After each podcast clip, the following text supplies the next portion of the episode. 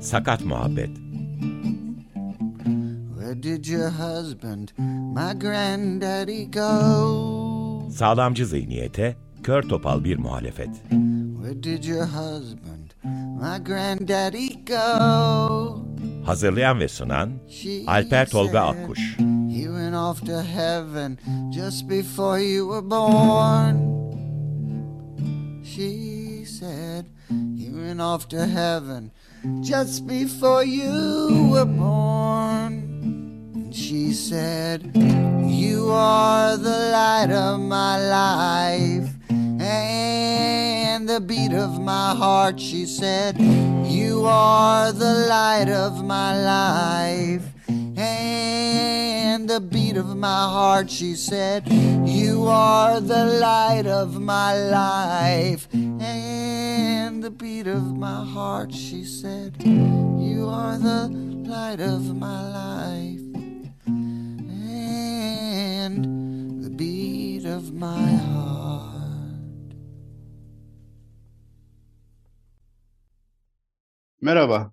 Açık Radyo'ya, Sakat Muhabbet'e, Sağlam Zihniyet'in Kör Topal muhalifine hoş geldiniz. Ben Alper Tolga Akkuş. Bugün 15 Ağustos 2023 Salı.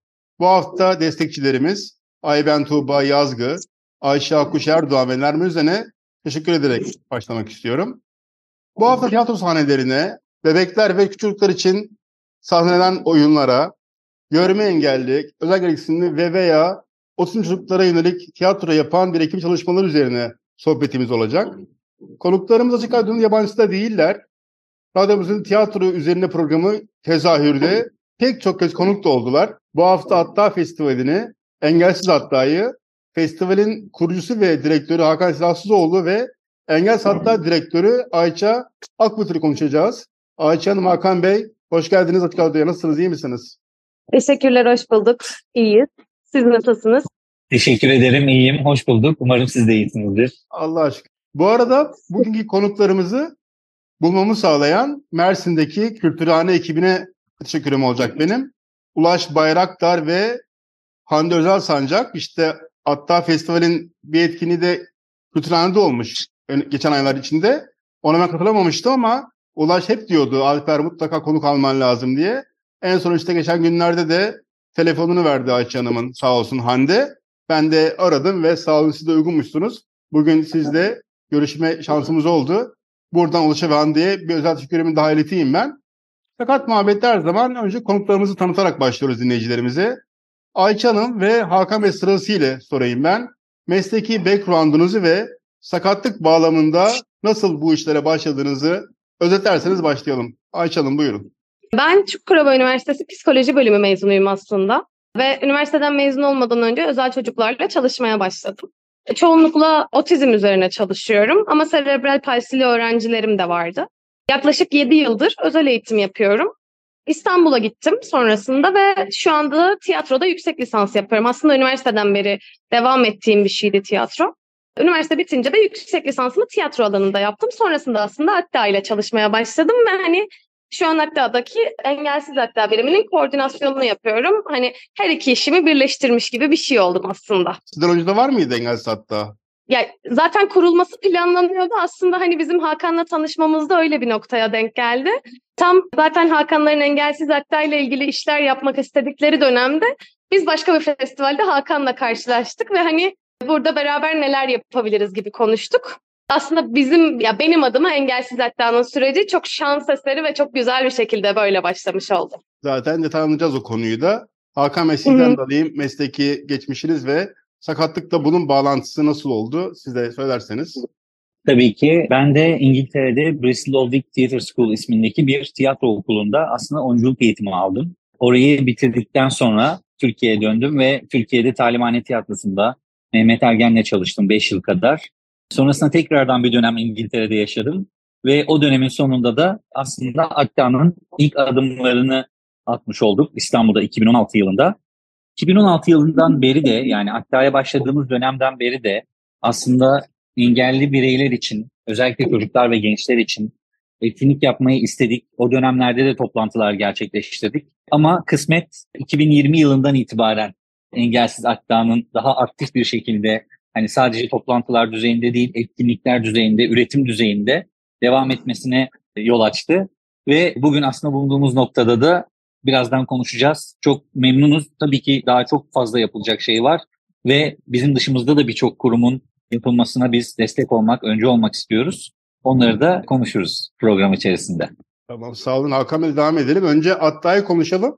Sonra aradan sonra da Engels Atta'ya daha derin, daha detaylı girelim istiyorum ben. Atta, önce Atta ismi tabii çocuk Atta denince Türkçe'de hemen akla geliyor. Atta gidelimden geldi çok belli. İşte çocukluk, Evet. çocuk tiyatrosu, Atta Festivali nasıl doğdu? İngiltere'de bununla mı ilgili bir şey çalışmıştınız? Hep var mıydı sizin hedefinizde bir çocuk tiyatrosu? Atta Festivali'nin başlangıcını, tarihçesini, hedeflerini konuşalım bu bölümde. Devam edelim. Hakan Bey buyurun. Tabii ki. Aslında Hatta Festival İstanbul gibi metropol bir şehirde e, çocuklar için nitelikli, onları birey olarak gören, onları ciddiye alan, en az bir yetişkinlere yönelik tiyatro ya da performansta görmek istediğimiz kalitenin olması gerektiğini düşündüğümüz bir ihtiyaçtan yola çıktı. Hatta festival başlamadan önce uluslararası nitelikte özellikle kaliteli işler Türkiye'ye çok gelmiyordu. Neredeyse hiç gelmiyordu. Ve böyle bir ihtiyaçtan yola çıkarak hani sadece çocuk oyununu, çocuklara yönelik performans sanatlarını bir ticari alan olarak görmeyip onların yaratıcılıklarına, özgürlüklerine katkıda bulunabilecek bir alan açmak istedik açıkçası. Ve hatta da ilk adımını 2016 yılında Kasım ayında böyle bir üç günlük programla atmış oldu. E, Akdağ Festivali Çocuk Hakları Günü etrafında gerçekleştiriyoruz. 20 Kasım etrafında gerçekleştiriyoruz. Dolayısıyla aslında çocukların kültür ve sanata erişim haklarından yola çıkarak bu festivali yapıyoruz her yıl. Ve bugüne kadar birçok ülkeden özellikle Avrupa'dan, Avrupa'nın dışına Meksika'dan, Amerika'dan, İsrail'den sanatçılar davet ettik ve davet etmeye devam ediyoruz. Aslında Akta'nın yola çıkış hikayesi bu oldu ve bizim Akta'yı aslında önemli kılan en önemli bizim özelliklerimizden bir tanesi de yıl boyunca birçok festivale gidip, showcase'e gidip orada çok nitelikli işleri izleyip sanatçılarla tanışıp onları Türkiye'ye davet etmek. Birlikte nasıl işbirlikleri yapabiliriz? Bazen onların oyunlarıyla, bazen o oyunları burada sahnelemek üzerine konuşarak, birlikte çalışmalar yaparak ilerliyoruz. Bu da aslında Akta'nın en güçlü olduğu taraf diyebilirim, uluslararası tarafı. Şimdi hatta festival deyince ya sadece bir festival olarak mı varsınız? O üç gün, dört gün için mi yani gündemde oluyor hatta festival yoksa yıl boyunca diğer günlerde bununla ilgili bir şey yapıyor musunuz yoksa sadece o güne özel bir çalışma mı? Hatta festivali de geçiyor ya hep. O yüzden aklıma geldi bu soru aslında. Güzel bir soru sordunuz. E, Biz aslında festival formatıyla başladık 2016 yılında. İlk sene bir denemeydi bizim için. 3-4 günlük böyle bir deneme yaptık. Yani cuma gününden başladık pazartesi gününe kadar hafta sonu ağırlıklı performanslarının yer aldığı bir çalışma yaptık. Ve oradaki güzel geri bildirimleri alıp bir sonraki yıldan itibaren 2017'den itibaren festivali daha da büyüttük. Ve aslında Kasım-Aralık döneminde ortalama 3 hafta süren yaklaşık 10 farklı mekanda 30'dan fazla etkinliğin yer aldığı bir festival olmaya başladı. Bununla birlikte 2018 yılından itibaren bu bahsettiğim uluslararası işbirlikleri ve karşılıklı tanışmalarla birlikte aslında üretime de yöneldik ve bu alanda dünyada çok iyi işler yapan, çocukları gerçekten ciddiye alan, onları yüksek kalitede sanat eserleri üreten kumpanyalarla, ekiplerle çalışarak onların işlerini burada bazen var olan bir işi üreterek bazen de sıfırdan ortak çalışmaya başlayarak prodüksiyonlar gerçekleştirmeye başladık. Şu anda Hatta Festival'in 0-12 yaş grubuna yönelik yani farklı farklı yaş gruplarına yönelik 0-12 yaş arasında 6 tane farklı prodüksiyonu var. Bunu gerek İstanbul'da gerekse farklı şehirlerde Mersin'deki Kültürhane gibi bir program dahilinde giderek turne yaparak sergiliyoruz. Şu ana kadar 15 tane ilde etkinliklerimizi sahneleme şansına sahip olduk. Daha da çok ile gitmek istiyoruz tabii ki Türkiye'de. Sadece İstanbul'dan ibaret değil Türkiye. Dolayısıyla hem festival her yıl gerçekleşiyor 20 Kasım Dünya Çocuk Hakları Günü etrafında hem de biz kendi etkinliklerimizle beraber yıl boyunca yılın tamamında etkinlik yapıyoruz. Şimdi tam ortalara geldik. Bir şarkı aramız da var. Bu hafta ne dinletelim dinleyenlere sizden?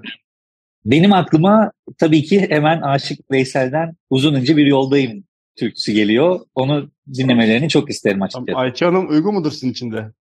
Uygundur. Ben de çok severim.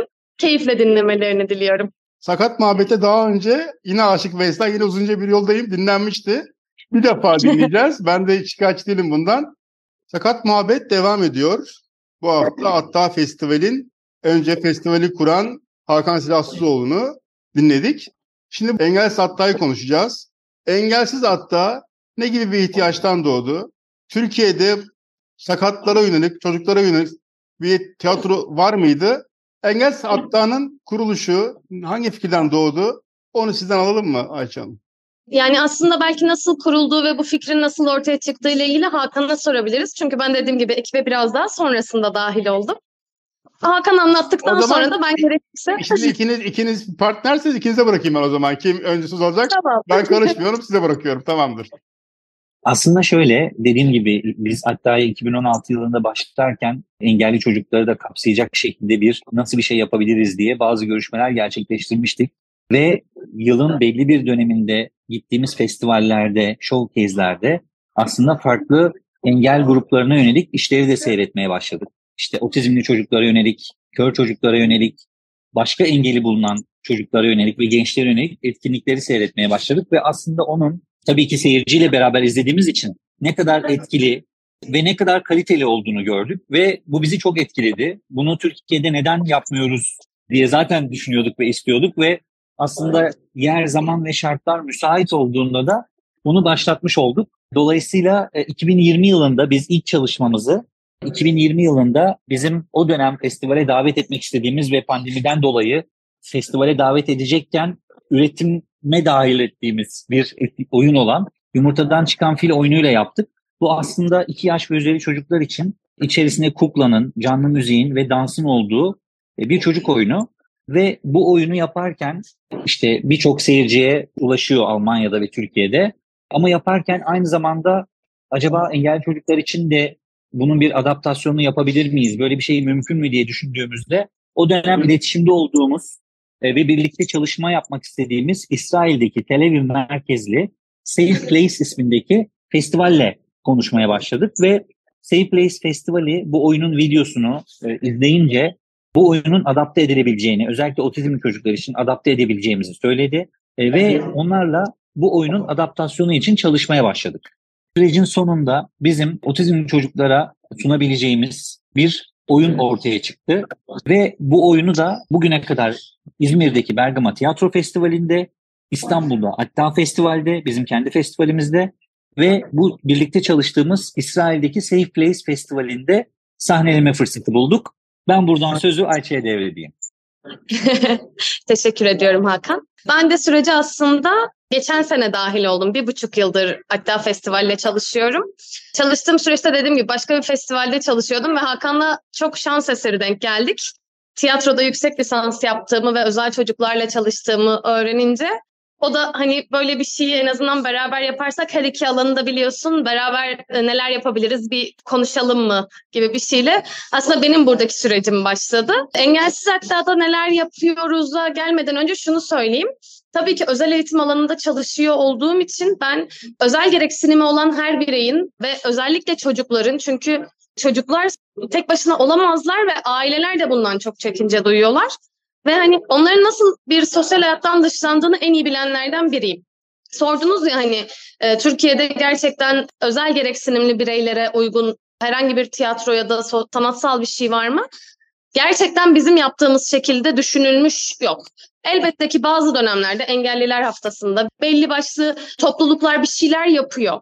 Ama biz tamamıyla tasarımı özel gereksinimi olan çocuklara özel hale getiriyoruz. Yani mesela bizim yumurtadan çıkan fil oyunumuz adapte edildi. Hakan'la konuştuğumuz gibi İsrail'deki Safe Place Festivali ile çalıştık biz bunu yaparken. Ve hani bu süreçte neler yapıyoruz? Gerçekten o kadar çok şey düşünmeye çalışıyoruz ki.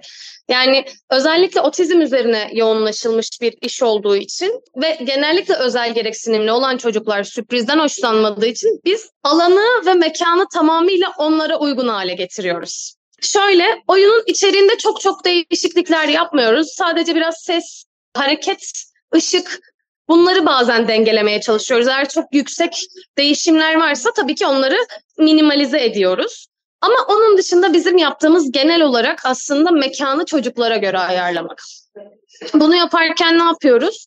Oyun başlamadan önce fuaye alanına bir masa kuruyoruz ve o masaya gerekli materyallerimizi koyuyoruz. En önemli ilk materyalimiz oyuncularımızın fotoğraflarının basılı olduğu bir materyal. Biz bu materyalde çocuklara aslında oyunda kimlerle karşılaşacaklarını, nelerle karşılaşacaklarını gösterdiğimiz, oyunun bazı e, fotoğraflarının olduğu bir görsel paylaşıyoruz ve anlatıyoruz. Bak bu Ayşe, bu Fatma, işte bu Ali. Oyunda bunları göreceksin. Sonrasında yine aynı şekilde daha küçük bir kart olarak oyunun storyboard'unu paylaşıyoruz çocuklarla. Ve bunları onlara veriyoruz bu storyboardları. Oyun sırasında eğer ki takip etmek isterse bak ilk başta perdenin açılışı. ikinci resim mesela kızın elinde bir balonun oluşu. Sonra üçüncü resimde yumurtadan bir filin çıkışı. Ve çocuk aslında bir sonraki aşamayı her bildiğinde sürprize yer olmadığı için stresi azalıyor. Bunları veriyoruz. Onun dışında oyuna girmeden önce bütün oyuncu arkadaşlarımız kukla da dahil olmak üzere fuaye alanında çocuklarla tanışıyor. Oyun alanından önce bir tanışıklık oluşuyor. Genellikle ben de bütün çocuklarla mutlaka tanışmaya çalışıyorum. Onları rahatlatmak, hani içeride tanıdıkları biri olduğunu göstermek için. Süreçten önce bütün ekip arkadaşlarımıza hani süreçle ilgili eğitim veriyoruz. Ne yapacaklarını, nasıl davranmaları gerektiğini, neler yapabileceklerini mutlaka anlatıyoruz. Her oyun öncesinde gelen ekibimize. Bunlar bizim gönüllü ekiplerimiz oluyor genelde. Sonrasında bazı materyallerimiz var. O materyallere ihtiyaç duyduğumuz sürece oyunu alırken alıyoruz. Bakıyoruz mesela çok stresli çocuk. Hani ve hareket ediyor, bacağını sallıyor, çok huzursuz hissediyor. Bazı materyaller kullanıyoruz bu süreçte. Mesela stres topu kullanıyoruz. Çocuğa stres topu veriyoruz. Belki o onun stresini ve ihtiyacını karşılar. Ya da sesle çok rahatsız oluyorsa ailesine soruyoruz ve ona ses kesen kulaklıklar veriyoruz. Daha rahat odaklanabilsin diye. Bu arada içeri girerken de bütün ailelere söylüyoruz. Söylediğimiz şey de şu. Çocuğunuz kendi kendine konuşabilir, ses çıkarabilir, hareket etmek isteyebilir, yerinde oturmak zorunda değil. Çünkü zaten dürtüsel davranışları kontrol edemedikleri için aslında en büyük sıkıntı o. Orada oturacaksın ve kalkmayacaksın dediğinde özel gereksinimli bir birey çok zorlanıyor. Ve bizim aslında niyetimiz bunu en aza indirgemek ve o çocuk orada rahatça hareket edebilir. Oyun alanı aslında hani sahne onun da oyun alanı. Bazen kalkıyor, yürüyor, sahnenin yanından oyunu izliyor. Bazen oturduğu yerde hani ayağa kalkıp zıplıyor. Bazen ses çıkarıyor. Ve biz bunu ailelere söylüyoruz. Lütfen bunlara karışmayın. Bu onun deneyimi. Ya tabii ki kendine ya da bir başkasına zarar vermesin. Bu durumlarda zaten biz mutlaka orada oluyoruz ve hani ya ben yardım ediyorum ya hani aileye söylüyoruz. İstediğiniz zaman dışarı çıkarabilirsiniz ve istediğiniz zaman geri gelebilirsiniz. Dışarı çıktığınızda da eğer ki gerçekten çok sıkıntı yaşıyorsa ve gerçekten bir öfke nöbeti halindeyse oyun alanının dışına fuayeye bir çadır kuruyoruz. Sessiz ve karanlık oda olarak. Çocuk istediği zaman oraya girip sakinleşebilir.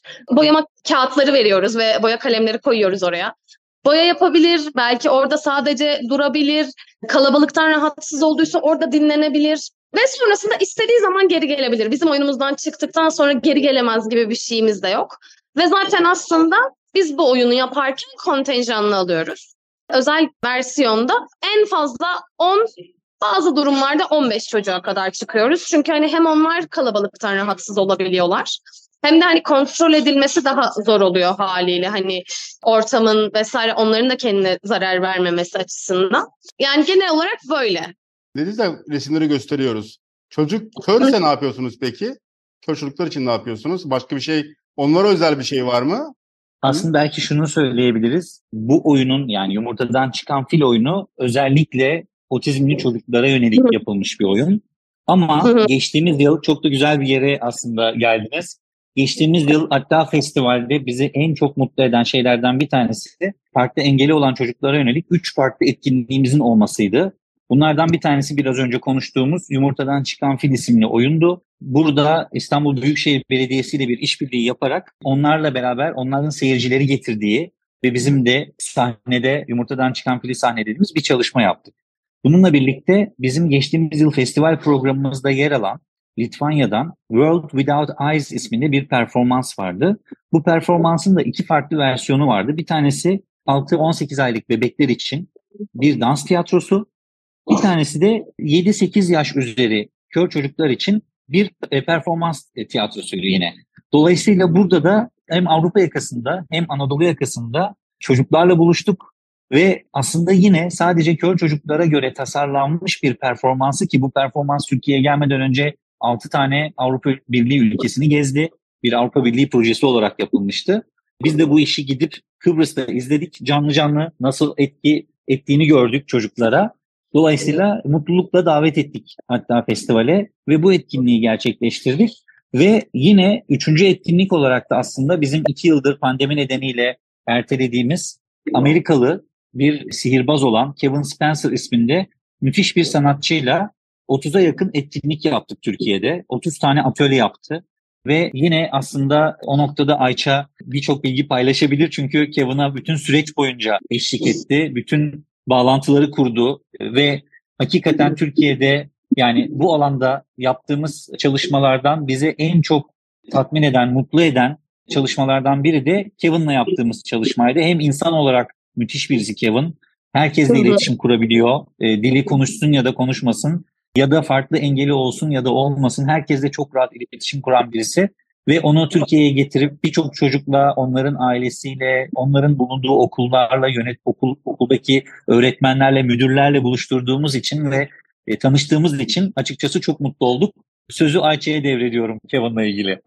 Geçen sene evet Aralık döneminde gelmişti Kevin ve bir 10 gün kadar beraber çalıştık. Benim de hayatımdaki en muazzam dönemlerden biriydi diyebilirim gerçekten Kevin'la çalıştığım dönem için. Aslında Kevin'ı anlatarak başlayabilirim. Bir kaza geçiriyor ve o kaza sürecinde aslında fiziksel kabiliyetini aslında yitiriyor. Neredeyse boyundan aşağısı çalışmaz hale geliyor. Bir süre sonra bir tık toparlanıyor vesaire ama klasik fizik tedavi yöntemleri aslında ona çok sıkıcı gelmeye de başlıyor. Kendi kendine sıkıldığı için sihirbazlık numaralarını denemeye başlıyor kendi kendine. Doktoruyla ve rehabilitasyonunu sağlayan bütün ekiple beraber bunu bir teknik haline getirip Magic Therapy adında bir teknik oluşturuyorlar aslında. O, o süreçten sonra Kevin aslında otizmle ilgili çalışmaya hatta çocuklarla ilgili çalışmalara başlıyor. Hatta doktorası da özel eğitimde Magic Terapi uygulamaları üzerine ve şu anda da bu alanda Alabama Üniversitesi'nde profesör olarak çalışıyor. Bizim burada çalışmalarımıza gelince de biz burada İlk başta benim de izlediğim an aslında bir rehabilitasyon merkeziyle çalışma fırsatı bulduk. Gittik orada 3 ya da 4 tane ilk gün. Yanlış hatırlamıyorsam 4 atölye yaptık. Şey soracağım. Peki çocukların görme engelli ya da otistik ya da özel gerekli çocukların tepkisi ne oluyor? Tezahürü dinledim. Tezahürde şey diyordunuz. Bir çocuk bitti mi yani bitmesin gibisinden bir şey söylüyormuş galiba. Böyle bir şey diyordunuz. Ailelerin, evet. aileler çünkü sürekli olsun istiyordur. Bunun olma ihtimali var mı? Bu bizi dinleyen başka illerden, başka yerlerden biz de istiyoruz diyenler nasıl size ulaşabilirler? Onları da söyleyelim isterseniz. Kevin'la olan atölyelerimizde de gerçekten çocuklar bitmesin istiyordu. Mersin'e geldiğimizde hatta Mersin'de bir engelliler merkeziyle çalıştık. O zaman çocuklardan bir tanesi ilk başta e, etkileşime katılmak istemedi. Sonrasında gitmedi. Yani hani okuldan, hocalardan, ailelerden, çocuklardan hepsinden muazzam geri dönüşler alıyoruz. Hakan Bey sizden de nasıl ulaşacaklar size biz de istiyoruz diyenler? Bizim amacımız bunu birçok kurum tiyatrosunun, şehir tiyatrosunun, devlet tiyatrolarının, belli sahnelerinin, belli şehirdeki tiyatrolarının aslında bunu bizimle bir işbirliği yaparak biz onlara bu bilgi paylaşımını, aktarımını memnuniyetle yapmak isteriz. Bunu yaparak onların kendi sahnelerinde düzenli olarak oynayabilecekleri ve ailelerine kendi bulundukları çevredeki ailelere ulaşabilecekleri bir yapıya dönüştürmek ve hala hazırda biraz önce bahsettiğim gibi kendi oyunlarımızdan biri olan işte Yumurtadan Çıkan Film mesela Türkiye'nin farklı şehirlerine götürüp oynamak. Bizim Hatta Festival'in hattafestival.com isminde bir web sitesi var. Bize oradan ulaşabilirler ya da sosyal medyayı aktif olarak kullanıyoruz. Instagram, Facebook, LinkedIn, Twitter gibi farklı mecraları da kullanıyoruz. Orada da et hatta festival olarak girerlerse bize bul, bizi bulabilirler ve bizim de niyetimiz dediğim gibi birçok şehirde çocuklarla e, engeli olsun ya da olmasın birçok çocukla buluşmak ve nitelikli çocuk işlerini aslında onlarla bir araya getirmek bu şekilde özetleyebiliriz. Evet çok teşekkür ediyorum Hakan Bey ve Ayça Hanım'a Atta Festival Engels Atta ekibine. Son sözlerinizi alarak bitirelim isterseniz. Önce Ayça Hanım sonra Hakan Bey'le bitirelim. Buyurun Ayça Hanım. Teşekkür ederim ben de bizi davet ettiğiniz için. Bizim de şimdi İskoçya ile aslında ortak yaptığımız yeni bir işimiz var Puggle isminde. Onun da iki versiyonu var. Ben bunları söyleyip Hakan'a devredeyim. Ayça'nın da bahsettiği gibi bizim bu sene aslında British Council desteğiyle ortak yürüttüğümüz bir proje var. İskoçya'daki Barrowland Ballet ismindeki dans tiyatrosu topluluğuyla daha önce onların 1-5 yaş grubuna yönelik yaptıkları Puggle ismindeki bir oyunu aslında otizmli çocuklara yönelik olarak adapte edeceğiz birlikte. Sıfırdan e, adapte edeceğiz birlikte Hatta Festival ve Barrowland Ballet olarak. Oyunu Eylül sonunda İstanbul'da premierini yapacağız. Daha sonrasında da Yumurtadan Çıkan Film gibi diğer illerde sahnelemek niyetindeyiz. Umarım bizi dinleyen insanlardan da yerel yönetimlerden, belediyelerden, şehir tiyatrolarında iletişime geçenler olur. Onların sahnelerinde de keyifle ailelerle birlikte bir araya getiririz. Ben de çok teşekkür ediyorum bu programa davet ettiğiniz için. Bu hafta Atta Festivali'ne konuk ettik. Hakan Silahsız oğlu ile Ayça Akbot'u konuk ettik. Destekçilerimize ben bir daha isimlerini alayım. Bu arada destekçilerimiz de benim kardeşlerim. Açık Aydın Şenliği zamanında kardeşim destek vermişti. Ayben Tuğba Yazgı, Ayşe Kuşar'dan ve annem iki sene önce kendisi vefat etmişti. Sakat Muhabbet'in ilk programında ben programı annemi ve anneannem adımı söylemiştim dinleyenlere. Nermin Özen'e, onun da tanıyorum. bir selam gönderiyorum buradan. Açık Radyo'nun programında görüşmek üzere, hoşçakalın diyorum. Görüşmek üzere. Çok sağ olun. Hoşçakalın.